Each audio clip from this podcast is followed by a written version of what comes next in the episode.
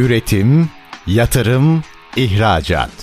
Üreten Türkiye'nin radyosu Endüstri Radyo sizin bulunduğunuz her yerde. Endüstri Radyo'yu arabada, bilgisayarda ve cep telefonunuzdan her yerde dinleyebilirsiniz.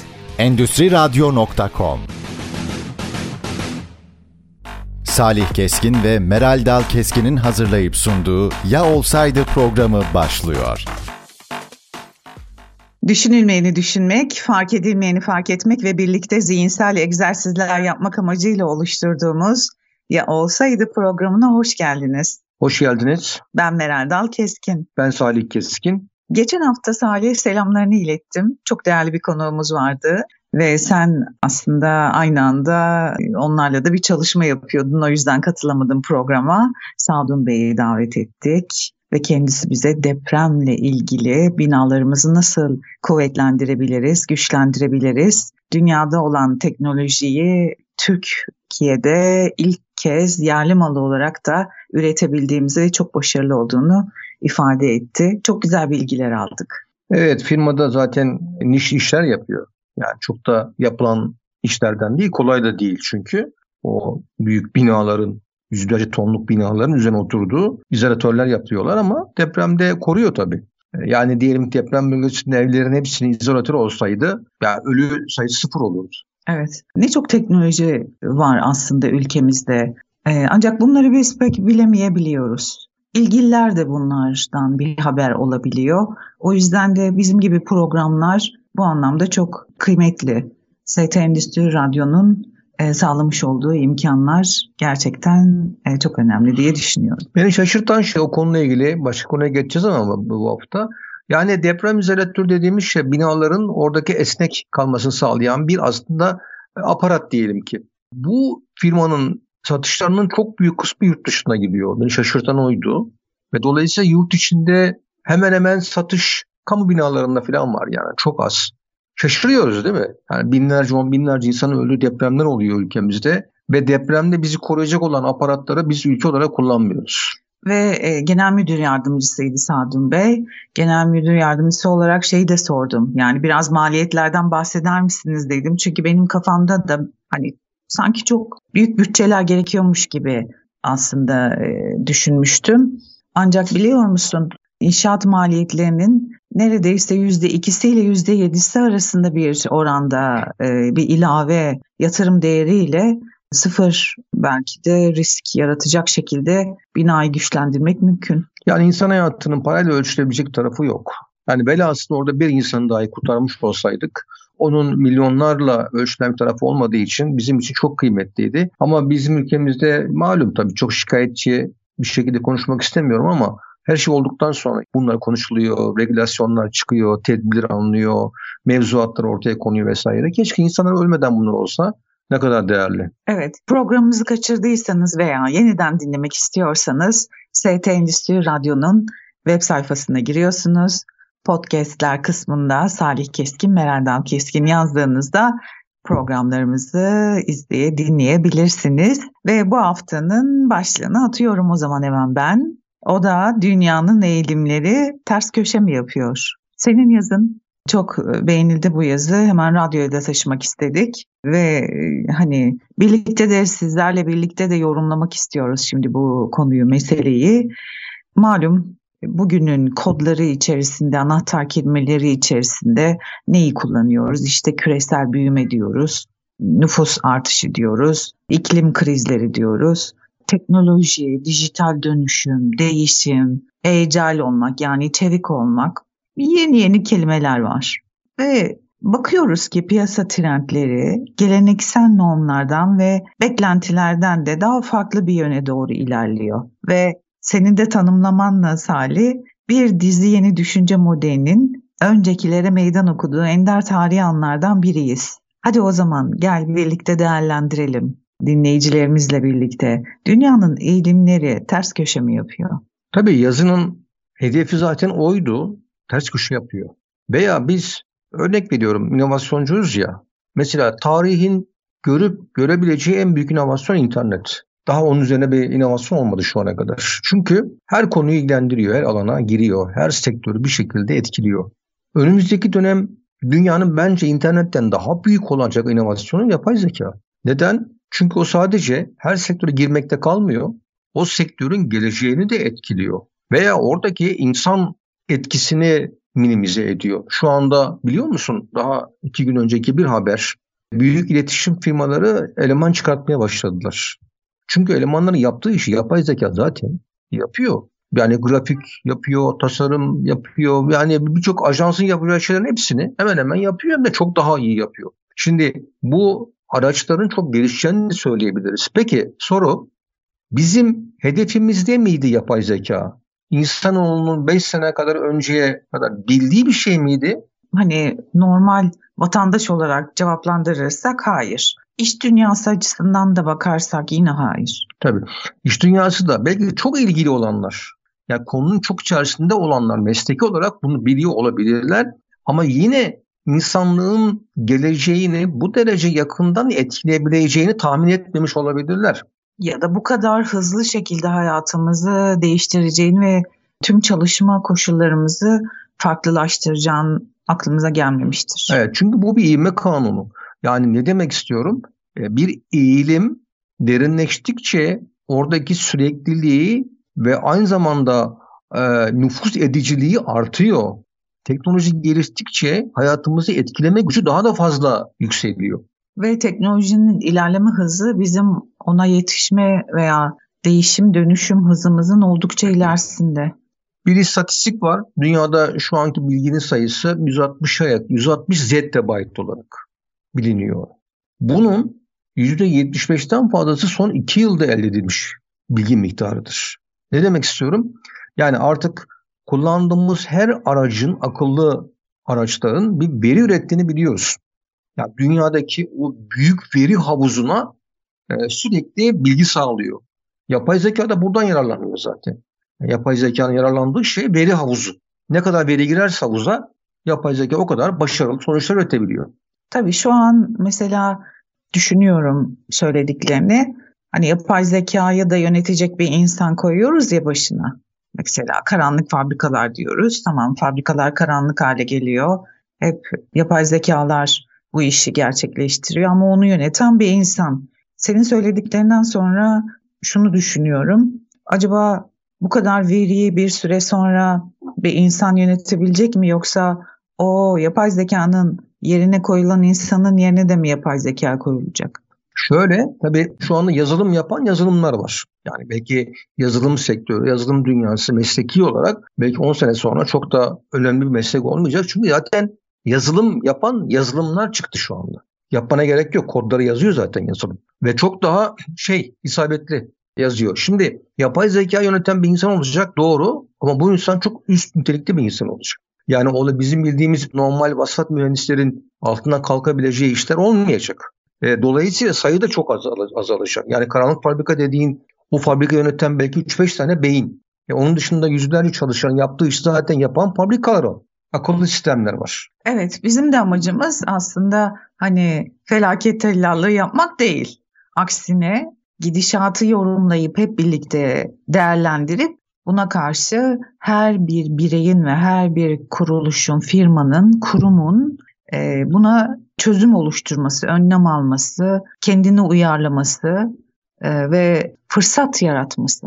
E, ben hatırlıyorum 2000'li yıllarda bilgisayarların internetin ilk geldiği 96 yılından sonra Türkiye'de şu oldu. Tıpkı bugünkü gibi yani konuşmalar yapay zeka oldukça emekleme döneminde o zaman da internet emekleme dönemindeydi. O dünyaya ne kadar hızlı girenler kendi işinde bunu çok pratik bir şekilde dönüştürebilenler, kullananlar öne geçti. E bugün de öyle. Dediğin gibi yapay zekayı işinde kullanabilecek olanlar, bir an önce kullanabilecek olanlar e, bunu yapmalı. Bunu kendi işini daha da nasıl zenginleştirebilir, öne çıkartabilir, öne geçebilir, onun hesaplarını yapmalı. O zaman hadi gel birlikte standartlaşmış ürün ve hizmetlerin bambaşka yönelimlere doğru evrilmesiyle yeni bir dünyanın değişimine tanık oluyoruz. E, bunlar neler? Birlikte değerlendirelim ve bizi dinleyen değerli dinleyicilerimiz de buralardan kendilerine nasıl fırsatlar çıkarabilirler, yeni iş alanları çıkarabilirler veya işlerini bunlara göre dönüştürülebilirler. Hep birlikte bakalım. Var mısın? Tabii. Ee, ben hemen Mesela hastalıkların önlenmesiyle ilgili konuyu bir yatırmak isterim sürecin içine. Çünkü daha önce biliyorsun e, hastanelerimiz büyütüldü. Bu alandaki e, teknolojik gelişmeler yer aldı hastanelerde. Ama bakıyoruz ki artık hastanelerin büyümesi, hastalıkların tedavi edilmesinden önce daha önemli olan bir şeyi keşfetmiş durumdayız şu an. O da önleyici tıp ve halk sağlığı. Ne dersin? Tabii. Hastalık gelmeden önce önleyici tıp dediğin şey o zaten. Onu engellemeye dönük çok ciddi bir alternatif tıp da buna bir miktar yardımcı oluyor haliyle.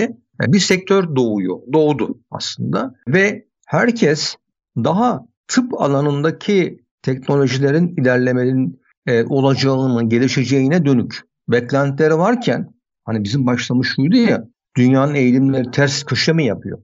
Burada bir ters köşe var. Yani biz daha tıbbi alanda büyük gelişmeler olacağını beklerken oluyor da bu arada ayrı. Ama diğer tarafta da çok ciddi neredeyse at başı benzer büyük bir gelişme görüyoruz. Yani Avrupa'da zaten biliyor biliyorsun böyledir. Yani hastaneye gitmeden önce insanların hasta olmaması yönünde çok ciddi bir bir yığınak vardır, bir çalışma vardır. Hatta ve hatta Çin'de bir söz vardır. Derler ki Çinli ömrü hayatında bir kere hasta olur. O da ölürken. Yani hasta olmaz. Aslında hani böyle büyük annelerimizin, büyük babalarımızın dönemlerine gittiğinde o zamanlar hastane yoktu. Doğru düzgün doktor da yoktu. Ee, ve hani kendi yapmış oldukları geleneksel yöntemlerle bir şekilde hastalıkları tedavi etmeye çalışıyorlardı ve daha sağlıklı kalmaya çalışıyorlardı. Sonra e, hastalıkları tedavi etme ile ilgili çok büyük gelişmeler oldu ki harika bir şey tabii ki bu. Şimdi tekrar bu eğilim tersine döndü ve daha hastalık oluşmadan e, bunlar nasıl bertaraf edilebilir? Ve bu konuda da hani nanoteknoloji de çok enteresan sonuçlar veriyor bize. Mesela DNA üzerine yapılan çalışmalar, genetik hastalıkların ayıklanarak e, cenin haline gelmesi vesaire gibi e, konular e, yeni dünyanın önemli olan gündemleri içerisinde yer alıyor. Yani mesela pandemiden sonra bu biliyorsun vitaminler, gıda destekleri, takviyeleri işte şunlar bunlar vesaire anormal patlamalar oldu. Yani insanlarda bir bilinçlenme mi oldu diye düşünüyoruz. Tabii ki tıbbın bu anlamda insanlara büyük destekleri oldu ama o alanda da e, ciddi bir eğilim söz konusu. Bu anlamda gerçekten bize bir ters köşe yapıyor. Evet, enerji üretiminde de bir değişim var. E, büyük ölçekli projelere yatırım daha fazla olur diye düşünülürken tam tersi geri dönüşüm ve enerji verimliliği gibi alanlarda yenilikçi çözümler arayışları içerisindeyiz. Doğru. Yani burada yenilenebilir enerji olayına da girmemiz biraz gerekir. Biliyorsun hidroelektrik santralleri, onun dışında farklı enerji üretimi gereken alanlarda çok büyük gelişmeler, nükleer biliyorsun enerji işte santralleri vesaire ki dünyada şu anda nükleerler kapatılıyor. Fransa birçok enerji santrali, nükleer santrali kapattı. Rusya kapatıyor, Amerika'da kapatılıyor. E, ama Ebru taraftan doğal enerji kaynaklarında ama daha başka olan şey enerji verimliliği konusu. Yani biz var olan harcamalarımıza, tüketimimize dönük enerjiyi nasıl oluştururuz diye düşünürken dünyada tam tersi diyor ki yeni bir ses kullandığınız enerjinin miktarını azaltın veya bir geri dönüşüm sağlayın. Biliyorsun şu anda Mısır'dan e, ne elde ediliyor? Elektrik enerjisi elde ediliyor. Veya işte çöplerden bir enerji elde ediliyor. Geri dönüşte dönüşten atıklardan çok ciddi bir enerji üretime dönük teknolojiler var dünyada. Gelişen teknolojiler var. Bunların da biz o sektörde bir ters köşe yaptığını görüyoruz. Geçenlerde bir yazıya denk geldim. Çok yakın bir gelecekte elimize attığımız her şey akıllanacak enerji üretimi konusunda ve her ev kendi enerjisini üretip aynı zamanda onu yakıt haline getirecek. E, var şu anda Tesla'nın yaptığı var. Bir kombi gibi cihazımız var evin içerisinde. Yukarıda e, paneller var, güneş panelleri var. O sizin evinizin, binanızın elektriğini üretiyor. Var ama pahalı bir sistem. Ama bunu ucuzlayacak. Hatta dünyada biliyorsun pirketler var ya bizim. kiremitlerimiz var. Evet. Kiremitlerin hepsinin güneş paneli olduğu bir sisteme geçildi. Dünyanın birçok yerinde geçiliyor. Ve dolayısıyla ki güneş olmayan yerlerden bahsediyoruz biraz da. Kuzeyden bahsediyoruz. Türkiye biliyorsun güneş diye adlandırılır vesaire. Evet, sizinle birlikte çok hızlı geçiyor zaman. İlk bölümün bir e, ara verelim. Aradan sonra devam edeceğiz. Üretim, yatırım, ihracat. Üreten Türkiye'nin radyosu Endüstri Radyo sizin bulunduğunuz her yerde. Endüstri Radyo'yu arabada, bilgisayarda ve cep telefonunuzdan her yerde dinleyebilirsiniz. Endüstri Radyo.com Kısa bir aradan sonra birlikteyiz. Ya olsaydı programındasınız. Meral Dal Keskin ben. Salih Keskin. Dünyanın eğilimleri ters köşe mi yapıyor diye başlığımızı attık ve sizlerle birlikte değerlendiriyoruz. Standartlaşmış ürün ve hizmetlerin bambaşka yönelimlerle doğru evrilmesiyle yeni bir dünyanın doğuşuna tanık ediyoruz. Bunları birlikte değerlendiriyoruz. Amacımız da tüm bu eğilimlere göre işinizi, kendinizi, kurumunuzu uyarlamanız ve fırsatlar yaratmanız. Ee, ne dedik? Hastalıkların önlenmesi konusunda daha hastalık oluşmadan tedbirini alma üzerine büyük atılımlar söz konusu dedik. Enerji üretiminde de geri dönüşüm ve enerji verimliliği gibi alanlarda yenilikler ön planda. Bir de e, merkezi politikalar. Merkezi politikaların yapılarının halkın üzerindeki etkisi bir de bu açıdan bakalım istersen. Nasıl bir eğilim görüyorsun şu an? Ya tabii jeopolitik alanlarda değişiklikler var. Yani dünyada bir aks değişimi var. İşte belki Atlantik'ten Pasifik'e doğru bir kayış var. Ee, Asya'ya doğru bir kayış var güç dengelerinde. Ee, orayı bir çok ilgilendirmiyor ama bizi ilgilendiren burada merkezi yapılar yerine yerinden yönetimler. Tabii halkın daha fazla müdahale etmesi. Bunu da biraz internette de ilişki kurabiliriz aslında. Yani interaktif bir dünya doğru gidiyoruz ya. İnsanlar dijital dünyada sürekli aslında bir konularda fikirlerini beyan edebiliyorlar, görüşlerini sunabiliyorlar aslında ve belki halkın da çok fikri var. Gelecek üzerinde aslında bir nevi ortaklık kurmak istiyorlar. Yani biz seçtikten sonra insanları 4 sene 5 sene biz artık onları bekleyelim biz yönetsinler diye değil o yönetim süreçlerinin içerisinde hepsinde bir şekilde biz bulunmak istiyoruz diyorlar. Karar vermek istiyoruz. O kararların içerisinde de biz iştirak etmek istiyoruz. Fikirlerimizin olmasını istiyoruz. Belki açıkçası ben şunu düşünüyorum. Halkın yönetenlerden çok daha akıllı olduğunu ben söyleyebilirim bu anlamda. Yani kolektif bir, ortak bir akıl var ya bir. E, dolayısıyla yani oradaki akıl şeyinin florasının ben çok daha zengin olduğunu düşünüyorum. Eskiden böyle bir şey imkan yoktu. Ama bugün imkan var. Yani bugün baktığımızda artık normalde sistemler bizim fikirlerimizi bir havuza akıtıp algoritmalarla bunların en iyisi öne çıkartıldığı bize konseptleri üretebilir, verebilir. O zaman şunu söyleyebiliriz. Yani bir yerel yönetimin, belediyenin o semtteki, o ilçedeki gelişimin içerisinde biz de olabiliriz. Halk da olabilir. Halkın mutlaka fikirleri var, beğendiği bir şey var önemsediği bir şey var. Bu olsun dediği bir şey var. O zaman halkın dediğinin olması lazım. Peki emeklilik konusuna da gelelim. Orada da e, farklı bir yapılanma var. E, ben yıllar önce bireysel emeklilik sistemi satıyordum biliyorsun. Ve o dönemde müşterilere diyordum ki emekli olacaksınız, ayaklarınızı uzatacaksınız, belki tatile gideceksiniz. Size ek bir bütçe gerekir. Onun için de şimdiden kenarı para koymaya başlayabilirsiniz. Ve bugün geldik o kişiler emekli oldu ama görüyoruz ki ayaklarını şöyle bir uzatıp da oh, tam rahat edelim ve keyfini çıkartalım diyemiyorlar. Ne dersin? Evet, Türkiye'de gerçekten şu anda emeklilik konusu çok sıkıntılı da bir konu. Fakat dünyada da bir trend var. O trend emeklilerin yani 65 yaşında Avrupa'da biliyorsun emekli oluyor insanlar. Hatta son Fransa'da yaşının biraz uzatılmasıyla birlikte bayağı olaylar çıkmıştı.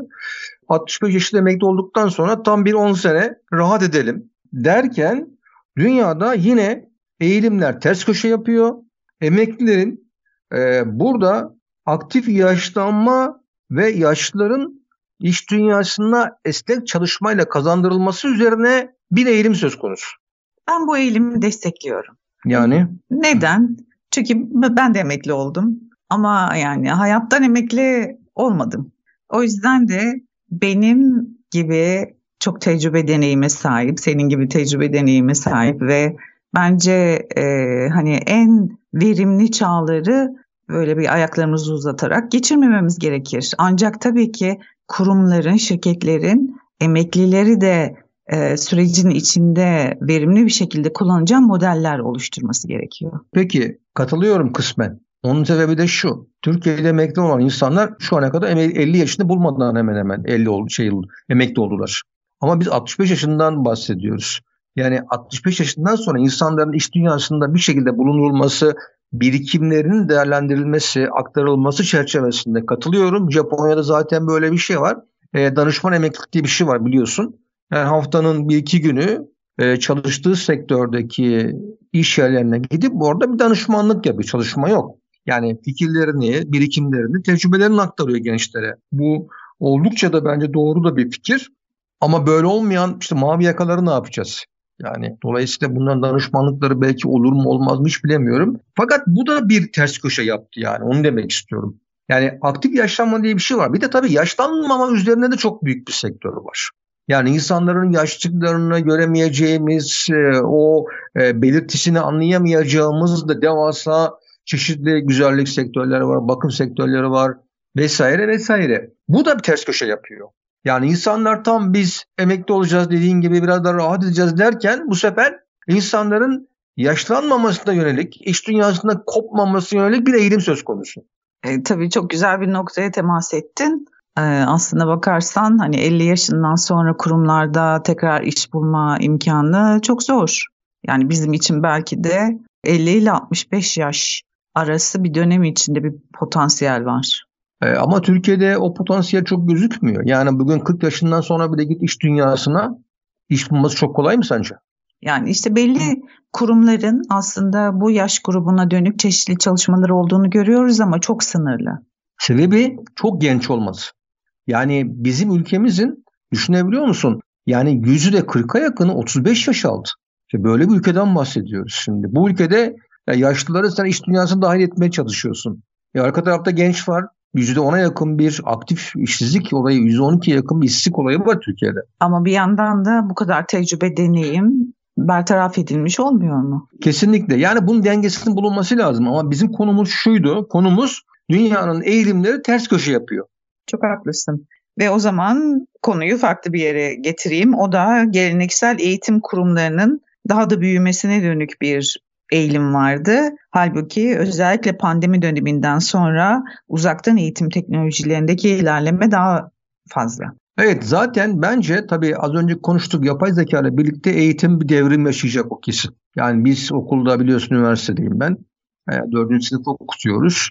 Şimdi yapay zekayı kullanma o kadar e, yoğun bir hale geldi ki acaba diyorum yani hocalar işte eğitim sistemi içerisindeki öğretim elemanlarının zaman içerisinde bu yapay zeka karşısında nasıl bir duruş sergileyecekleri, kendi oradaki mesleki e, nasıl koruyabilecekleri, yerlerini nasıl koruyabilecekleri konusu ve bence eğitim duayenlerinin, akil gruplarının bunu oturup düşünmesi, gerçekten e, tartışması gerekiyor. Çünkü dedim ya bugün bir genci, gençleri alıp da karşınıza akşama kadar ders vermenin getirisi sıfırlandı. İnsanlar çok kısa sürelerde algılıyorlar artık. Yani YouTube'un biliyorsun dünyada izlenme oranı ortalamada 15-20 saniyeye kadar indi. Yani insanlar 15 saniyede 20 saniyede bir şeyleri anlıyor demek ki kapatıyor başka yere geçiyor.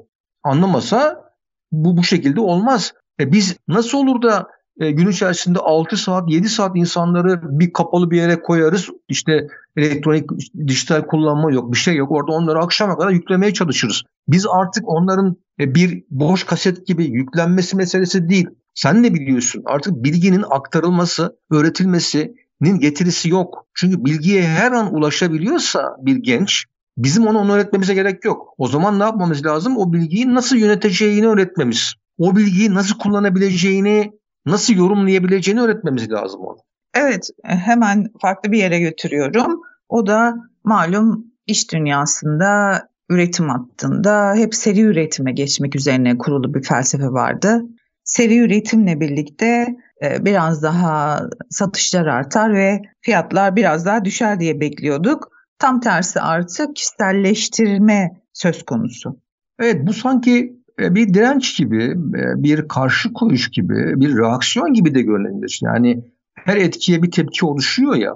Yani seri üretim meselesi endüstrileşmenin en başat faktörlerinden bir tanesiydi. E, kurallarından bir tanesiydi. Çok fazla sayıda üretmek ve ucuzlatmak. Ama bu aynı zamanda çok kullanmaya da dönük bir, bir faktördü. Yani insanların çok fazla tüketmesi sonucunda makinelerin çarklarının ancak devamlı dönebileceği felsefesi vardı burada. E şimdi insanlar yavaş yavaş bu çok tüketime karşı aslında bir direnç de geliştirdiler. Bunun belki yani e, gelir düzeyi kişi başına milli gelir düşen ülkelerde mecburiyetten de tüketim olmuyor aslında. E bu sefer ne oluyor? Fabrikalar yavaşlamaya başlıyor, üretim azalmaya başlıyor ve ülkenin getirisi düşmeye başlıyor. O zaman dünyada bu karşı koyuş, bu reaksiyon şöyle oluştu. Yani sürekli tüketmek yerine minimalist akımda aslında bunun bir parçası bana sorarsan. Orada az tüketme felsefesi ve ama kendine uygun, kendine özgü, tam ona göre üretilmiş hiperkişiselleştirme diyoruz ya buna biz.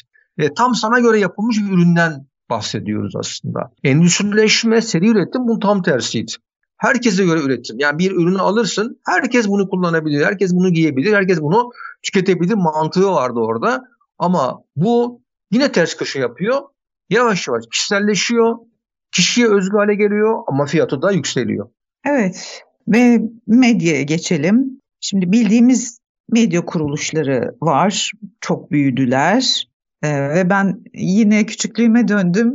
Ee, o da e, biliyorsun eskiden bakkallar vardı ve gazeteyi ve ekmeği evin en küçüğü ya da işte en büyüğü alırdı. Ben de o ekmek ve gazeteyi alan çocuklardan bir tanesiydim. O yüzden de gazete kokusunu ayrı bir severim. Kağıt kokusunu, ekmek kokusunu ayrı bir severim. Ama artık hani baskılı ürünler kullanmıyoruz. Her şey dijitale döndü. Burada da bir eğilim sapması var. Gazeteye elveda. Artık onunla e, vedalaşabiliriz yavaş yavaş. Hiç sen metroda, orada, burada, evde gazete okuyan gördün mü? Hayır. Yok. Biz okuyor muyuz? E, hayır, dijitalden takip ediyoruz. O zaman yani gazeteler niye hala e, offset olarak çıkartır onu bilmiyorum ama muhtemelen e, bundan sonraki süreçte yavaş yavaş yerini e, dijitale terk edecek demektir. İşte dünyanın eğilimleri böyle bir şey. Ama burada baktığımız şey e, açıkçası sosyal ve dijital dünya, sosyal medyanın ve dijital dünyanın bizim bildiğimiz medya tekerlerini alt üst ediyor olması. E, yani bakıyorsun müzikte bambaşka e, milyonlarca parça ulaşabileceğin dijital altyapılar değil mi? Yani haberlerin e, sana göre olanının optimize edildiği, önüne getirildiği yine platformlar. Ve dolayısıyla bunların sana hatırlatılması, senin ilgini çekecek olanların bulup önüne getirilmesi, algoritmaların bu şekilde örümceklerin bu şekilde çalışması meselesi gerçekten yani e, bizim bildiğimiz klasik medya anlayışını e, bir anda alt üst ediyor. Tabii bunun da geleceğinde yine içerisinde bunun akıllı yapay zekaların, sistemlerin bulunması meselesi bunu bambaşka yere doğru götürecek. Orada mesele şu, bana sorarsan yani insanların hassasiyetlerinin biyometrik sistemlerle ölçülerek yönlendirilmesi meselesi de aslında dünyanın şu anda konuşması gereken konuların arasında geçiyor. Biliyorsun e, bundan bir hafta 10 gün önce ilk defa Neuralink projesi kapsamında insanların beynine çip bir insana takıldı. Yani burada şöyle bir şey var. Mesela senin akıllı fırının var değil mi? Evet. Sen beyinde çip var. Akıllı fırının açılmasını düşünüyorsun. Akıllı fırın açılıyor. Evet. Yani buzdolabında içerisinde eğer e, sensörler varsa zihnen sana mesaj gönderiyor buzdolabı içerisinde yumurta bitti diyor. Yani hatırlatıyor. Yani dolayısıyla beyinde çip olması meselesi akıllı sistemlerle senin 4.0 mantığında entegre olacaksın anlamına gelir. Şimdi ben bazen hani arkadaşlarla da bir araya geldiğimde böyle şakalaşıyoruz bu konularla ilgili. Bazıları diyor ki Aa, Meral'cim bunun olması için daha 20-30 sene gerekir. Ee, ama sanıyorum ki bu söylediklerin çok şu an ütopik gibi gelse de yakın gelecekte hayatımızın içine girecek galiba. E, dedim ya ivme kanunu gereği yani hız e, arttıkça ivme arttıkça hız artıyor. Bu bölüm için kısa bir ara verelim. Aradan sonra tekrar devam ediyor olacağız. Üretim, yatırım, ihracat.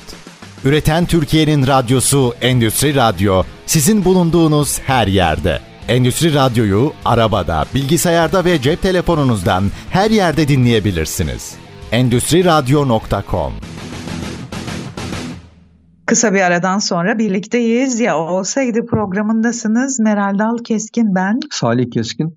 Dünyanın eğilimleri ters köşe mi yapıyor? Birlikte değerlendiriyoruz sizinle. Hangi eğilimler ters köşe yapmış durumda ve bunlara karşı hem hayatımızı hem işimizi nasıl e, evirebiliriz, güncelleyebiliriz ve buradan nasıl yeni fırsatlar yaratabiliriz? Bunun derdindeyiz şu an. En son nerede kaldık? Dedik ki sosyal medya ve dijital iletişimde fazla atılım oldu. Devam edeyim. Geleneksel perakende mağazalarını da böyle belki yorumlayabiliriz. Yani orada da çünkü artık her şeyimiz online'dan nasıl dijitalleşme hayatımızın içindeyse alışverişi de oradan yapmaya başladık. Yani bu da gayet normal. Şimdi insanlar eğer e, bir mağazaya, bir markete gidip de aldıkları ürünü oraya gitmeden aynı fiyata alabileceklerse yani şu soru sorulabilir ben niye gideyim yani oraya? Çok tabii mantıklı. Hatta ve hatta Japonya'da metro istasyonları çıkınca duvarlar var dijital. Orada marketin rafı gibi raflar var. Mesela sen kare kodla giriyorsun telefonundan tıklıyorsun. Sen eve gitmeden zaten eve ürünler gelmiş oluyor. Yani ayrıca markete uğrayıp o zamanı kaybetmek yerine hatta şunu da yapıyor artık marketler. Eğer bizden isterseniz daha uygun fiyata da diye olabilirler. Birçok market yapıyor. Evet ya da birçok e, hani arada onları bize getiren platform size daha uygun fiyata verelim diyor dediğin gibi. Evet yani eğer akıllı araçlar da otonom araçlar da hayatımıza girecekse eğer bir insan getirmesi yerine otonom araç bizim evimize bırakacaksa ki biliyorsun bu Amazon'un şu anda dronları, e, Domino's'un dronları pizza teslim ediyor. Amazon'unkiler normalde kargoları şeyle dronlarla teslim ediyor vesaire. O zaman ne olacak? Maliyetler de düşecek. E, fiyatlar da belki de daha uygun olmaya başlayacak. Evet. Hadi gel o zaman biraz bankacılık sistemine de bakalım. Diyorsun ki orada tam bir deprem yaşanıyor. Çünkü bildiğimiz paraya artık yavaş yavaş veda ediyoruz galiba. Evet şimdi tabii kağıt para sen artık eskisi kadar kullanıyor musun? Çoğunlukla kredi kartı oldu hani bir şey olduysa nakit vermek durumunda kalıyoruz. Evet zorunda kaldığımız zaman kullanıyoruz. Çünkü internet bazen çekmiyor bazı yerlerde evet. enteresan bir şekilde. Yani zorunda kalmadığımız zaman kullanmama yönünde biz şey yapıyoruz. Eğilimimiz o yönde. Şimdi burada baktığımız zaman tabii e, dijital para meselesi e, üzerinde çok spekülasyonlar oluştu. Çok manipülasyonlar oluştu. Çok zarar edenler var. Odur budur coinlerde filan alt coinlerde ama e, her ülke kendi dijital parasını da kriptosunu da geliştiriyor. Bunu bir blockchain mantığında da dünya yaparak güvenlik sistemlerinde bu şekilde almış olacak. Bunun sebebi yani dünyadaki e, biliyorsun referans para meselesi vardır. Rezerv para meselesi vardır ya. Dolayısıyla ona belki de alternatif bir model. Yani ben ürünümü diyelim ki e, satıyorum ama dolar e, rezerv para şeyinde e, ne diyelim parametresinde belirleniyor bu. Hatta şu anda Suudi Arabistan'la Çin anlaşma yaptı biliyorsun. Çin parasıyla satın alacak e, şey Suudi Arabistan. Çin Suudi Arabistan petrolü kendi şey parasıyla e, riyalle alacak diyelim ki. Bunu niye yapıyor? Çünkü dünyadaki belirleyici rezerv paranın etkisinden, kontrolünden, denetiminden uzak kalmak için, baskısından uzak kalmak için yapıyor. Bunlar çok bilinen şeyler ama şu var ki belki de önümüzdeki 10 yıl sonra kesinlikle artık kağıt para kullanımı yavaş yavaş tarih olacak diyebiliriz. Onun yerine alternatif coinler hayatımıza girecek. Evet bir de hani ben kendimi bildim bileli toplumsal cinsiyet eşitliliği ve çeşitliliğinin iş dünyasında e, yayılması için çalışmalar yapılıyor. E, belli bir noktaya gelmiş durumdayız tabii ki. E, buna devam ediyor. Ve artık hani liderlik pozisyonlarında daha fazla vurgu, herkesin kendi işinin lideri olması meselesi, daha hatta aslında liderlik vurgulanırken e, liderin olmadığı sistemlerin olduğu şirketler, yapılar, örgütler, kendi kendini yöneten, kendi kendini geliştiren takımlar gibi farklı konular var artık iş dünyasında. Ya onun sebebi e, normalde hiyerarşinin verimliliğini düşürmesi. Çok da bilinen bir şey. E, yani insanların birbirine baskı kurması diyebiliriz. Ya bunun içerisinde mobbingler, şunlar bunlar insanların psikolojisini olumsuz etkiliyor açıkçası. Karakterini e, nötralize ediyor. Yani verimlilik dediğimiz şey kabiliyetlerini, yeteneklerini manipüle ediyor. belki de kapatıyor, örtüyor, kullanılmaz hale getirebiliyor. İşte burada birkaç kez bahsettik. Yani spagetti örgüt modeli vardı ya hani. Spagetti örgüt modeli neydi? Yani hiyerarşi, hiyerarşinin, bürokrasinin olmadığı sistemlerden bahsediyoruz. Tabii Türkiye için belki çok erken bunlar gerçekten. Çünkü bu mesele senin de kendi konunun alanına giriyor. Kültürle çok ilgili bir şey yani değil mi?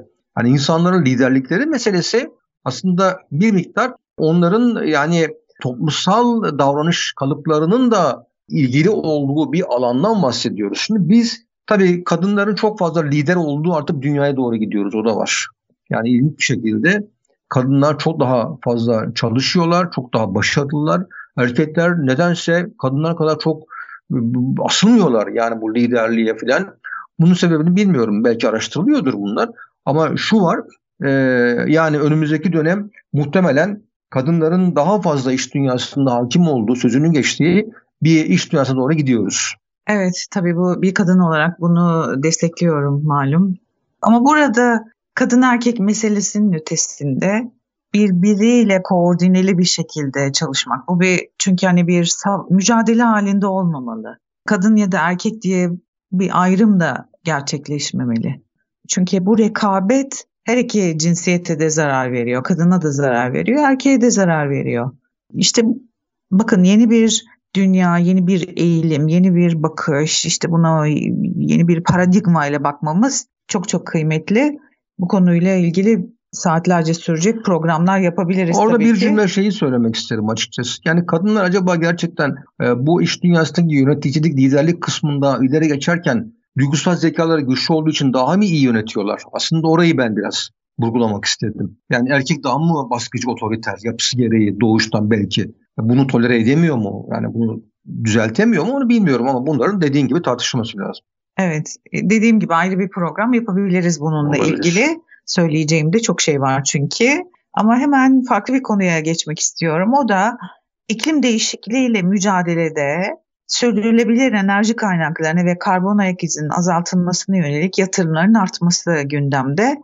Ee, bir karbon pasaportu söz konusu. Nedir karbon pasaportu? Burada e, yıllık her bir bireyin tüketmesi gereken karbon e, miktarı 4 ton. Bu uluslararası bir rakam. Bunun tabii düşünmeye dönük çalışmalar var. Yani çevreci ne diyelim destekler var. Burada yeni uyarlamalar var, regülasyonlar var vesaire. Her alana giriyor. Bu şu demek yani siz yurt dışından sürekli gidip geliyorsanız uçaklar biliyorsun çok fazla karbon salınımı e, söz konusu. Karbon ayak izi diyoruz ya biz bunu. Siz eğer yıl içerisinde bilmem kaç mil yapmışsanız bu sizin 4 ton üzerine çıktığınızı gösteriyor. Siz havalimanına gidiyorsunuz. Aslında biletinizi almışsınız. E, sisteme giriyorlar. Diyorlar ki sizden şu kadar da para istiyoruz. Neden? E, diyorlar siz yani 4 tonu işte 5 tonu veya belli bir şeyi geçmişsiniz, standartı geçmişsiniz. Yani dolayısıyla siz bir insanın tüketebileceğinden daha fazla yıllık karbon tüketimini salgılıyorsunuz. Doğaya, doğayı kirletiyorsunuz. O zaman bunun bedelini ödemelisiniz. Buna karbon pasaportu diyoruz. Orijinalmiş. Ben ilk kez duyuyorum biliyor musun?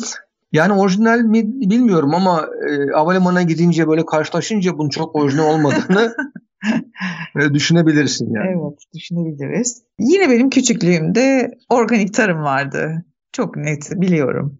Ee, sonra endüstriyel tarım geldi. Ve şimdi tekrar organik tarıma ve yerel gıda üretimine olan talep artmış durumda. Ya bu çok normal çünkü e, insanlar çok suni beslenmeye başladılar. Yapay gıdalar çok fazla. Üstelik transgenetik dediğimiz genetin değiştirilmiş değiştirilmiş ürünler marketler %10-15'i buldu, onu geçti. Farkında mısın? Geçmişte bunlar biraz konuşuluyordu, tartışılıyordu. Yani işte genetiği değiştirilmiş ürünler neler falan. Türkiye'de Mısırların hemen hemen hepsini genetiği değiştirilmiş bu arada. Yani mısır gibi öyle birçok ürün var ve kullanılan ürünler bunlar. Evimizde kullanıyoruz yani bu ürünleri. Soyalar yine öyle vesaire. Şimdi artık konuşuluyor mu? Hayır. Niye? Çünkü artık alıştık. Yani buna tadı da farklı değil zaten. Ee, ama vücutta yarattığı etki nedir? Olumlu olumsuz bilmiyoruz. Çok olumlu olmadığını düşünebiliriz. Ya transgenetik genetiğiyle oynanmış bu ürünlerin. Her neyse yani insanlar e, yapıları gereği doğala daha fazla aşinalar. Yani biz oldukça anneden yani doğduktan sonra biz temiz ürünler değil mi orada hani henüz bozulmamış, yapaylaştırılmamış ürünler daha fazla anne sütü vesaire. E, fakat İnsanlar gelir düzeyleri arttıkça organik ürünlere olan ilgileri de artıyor. Bu konuda farkında mısın bilmiyorum ama hani e, bilmem kimin çiftliği şudur budur yani Anadolu'dan online ticarette büyük şeylere çok ciddi bir o bizim organik tarlalarda satışlar var. Evet, yapay zeka ve otomasyonu iş dünyasında daha fazla kullanıyoruz malum. Bu da iş e, insan iş gücüne olan talebi değiştiriyor. Sadece bu değil, iş yerindeki beceri ve yetenek değişimleri de söz konusu ve çok hızlı bir şekilde e, dönüşüm gerçekleştirmek gerekli. Orada şöyle bir şey söyleniyor. Yani makinelerin yapabileceği şeyler yapıyorsanız sizin iş dünyası kalıcı olma şansınız yok. O zaman bakalım bakalım. Yani bizim yaptığımız işi makineler yapabilecek mi? Yani otomasyon sistemleri benim yaptığım işi yapıyorsa o zaman işçiyi niye barındırsın iş adamı? Yani doğru da olduğunu söylemiyorum. Realite bu. Yani gerçek bu. Barındırmıyor zaten. Ben geçen hafta bir firmadaydım. Bunlar şey yapıyor, robotik kol yapıyorlar. Diyorlar ki robotik kolda patlama yaşıyoruz. Ya onun sebebi şu. Yani robotik kollar biliyorsun otomotiv sanayinde var ya insan gibi alıyor filan. Hata yok. Yani sıfır hemen hemen hata bir. İkincisi yemek istemiyor. izin istemiyor. Maaş yok. İlk defa bir yatırım değeri var. Ondan sonra artık yıllarca kullan. Ve açıkçası 24 saat çalışıyor. Hiç durmuyor yani. Hiç. Bakımlarını yapıyorsun devam ediyor. Ve yine seninle ortak yapmış olduğumuz çalışmalarda da e, yeni fikir atölyelerinde özellikle robot kollar isteniyor. Çalışanlar tarafından isteniyor. Bize robot kol gerekiyor çünkü mesela yaptıkları işin belli bir kısmı insan sağlığına zararlı olabilecek nitelikte artık onu yapmak istemiyor, ona katlanmak istemiyor çalışan da. Hem mavi yaka hem beyaz yaka. Diyor ki robot kol gerekli bize, bunu o yapsın. Ya çünkü risk varsa insan orada olmak istemez. Bu çok normal aslında. Ama mesele şu ki risk olmayan yerlerde biz şu anda kullandığımız mavi yakaların olduğu yerlerde robot kolları soktuğumuz zaman mavi yakaları ne yapacağız yani? Bunları bir şey var mı? Bir master planımız var mı bu konu değil mi? Yani böyle bir makro bakabiliyor muyuz dünyaya? Bir ülkenin rejiminin, sisteminin, düzeninin dünya olarak söylüyorum. Hani geleceğe dönük böyle projeksiyonu var mı? Ben emin değilim yani.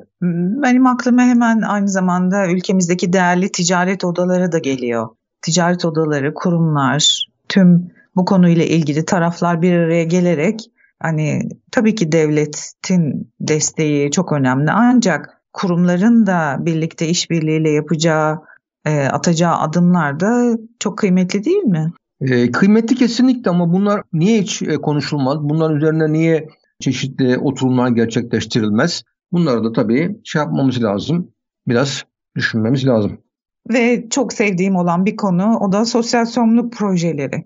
E, ben biliyorsun bir koçluk derneğinde yönetimdeyim ve sosyal sorumluluk projeleri şu ana kadar liderlik ettim.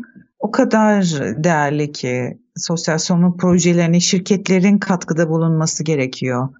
E, çünkü hani herkes gönüllü bir şekilde bunu yapıyor ama bazen maddi kaynaklar da gerekli. E, daha fazla çaba e, gerekiyor. Ve biliyor musun sosyal sorumluluk projeleri yapan kurumlarda çalışan çalışanların çalışan bağlılığı neredeyse yüzde yirmiye yakın daha fazla diğer kurumlara göre. O zaman niye yapmıyoruz? E, yapmalıyız. Mesaj kime yani? E, bütün şirketlere ve kurumlara şu an sosyal sorumluluk projeleri e, konusunda e, dünyada bir trend var. Ülkemizin de bu trende ayak uydurmasını gerçekten çok isteriz. Ne yaptık? Dedik ki dünyanın eğilimleri ters köşe mi yapıyor? Ne çıktı? Yapıyor. Evet. Hangi eğilimler var? Bu eğilimlere karşı siz bizi dinleyen değerli dinleyicilerimiz iş yerlerinizde ve kendi girişimlerinizde neler yapabilirsiniz? Bunları hep birlikte değerlendirdik. Umarım sizin için de faydalı bir program olmuştur. Bizi sabırla dinlediğiniz için teşekkür ediyoruz. Tekrar görüşmek dileğiyle. Görüşmek üzere.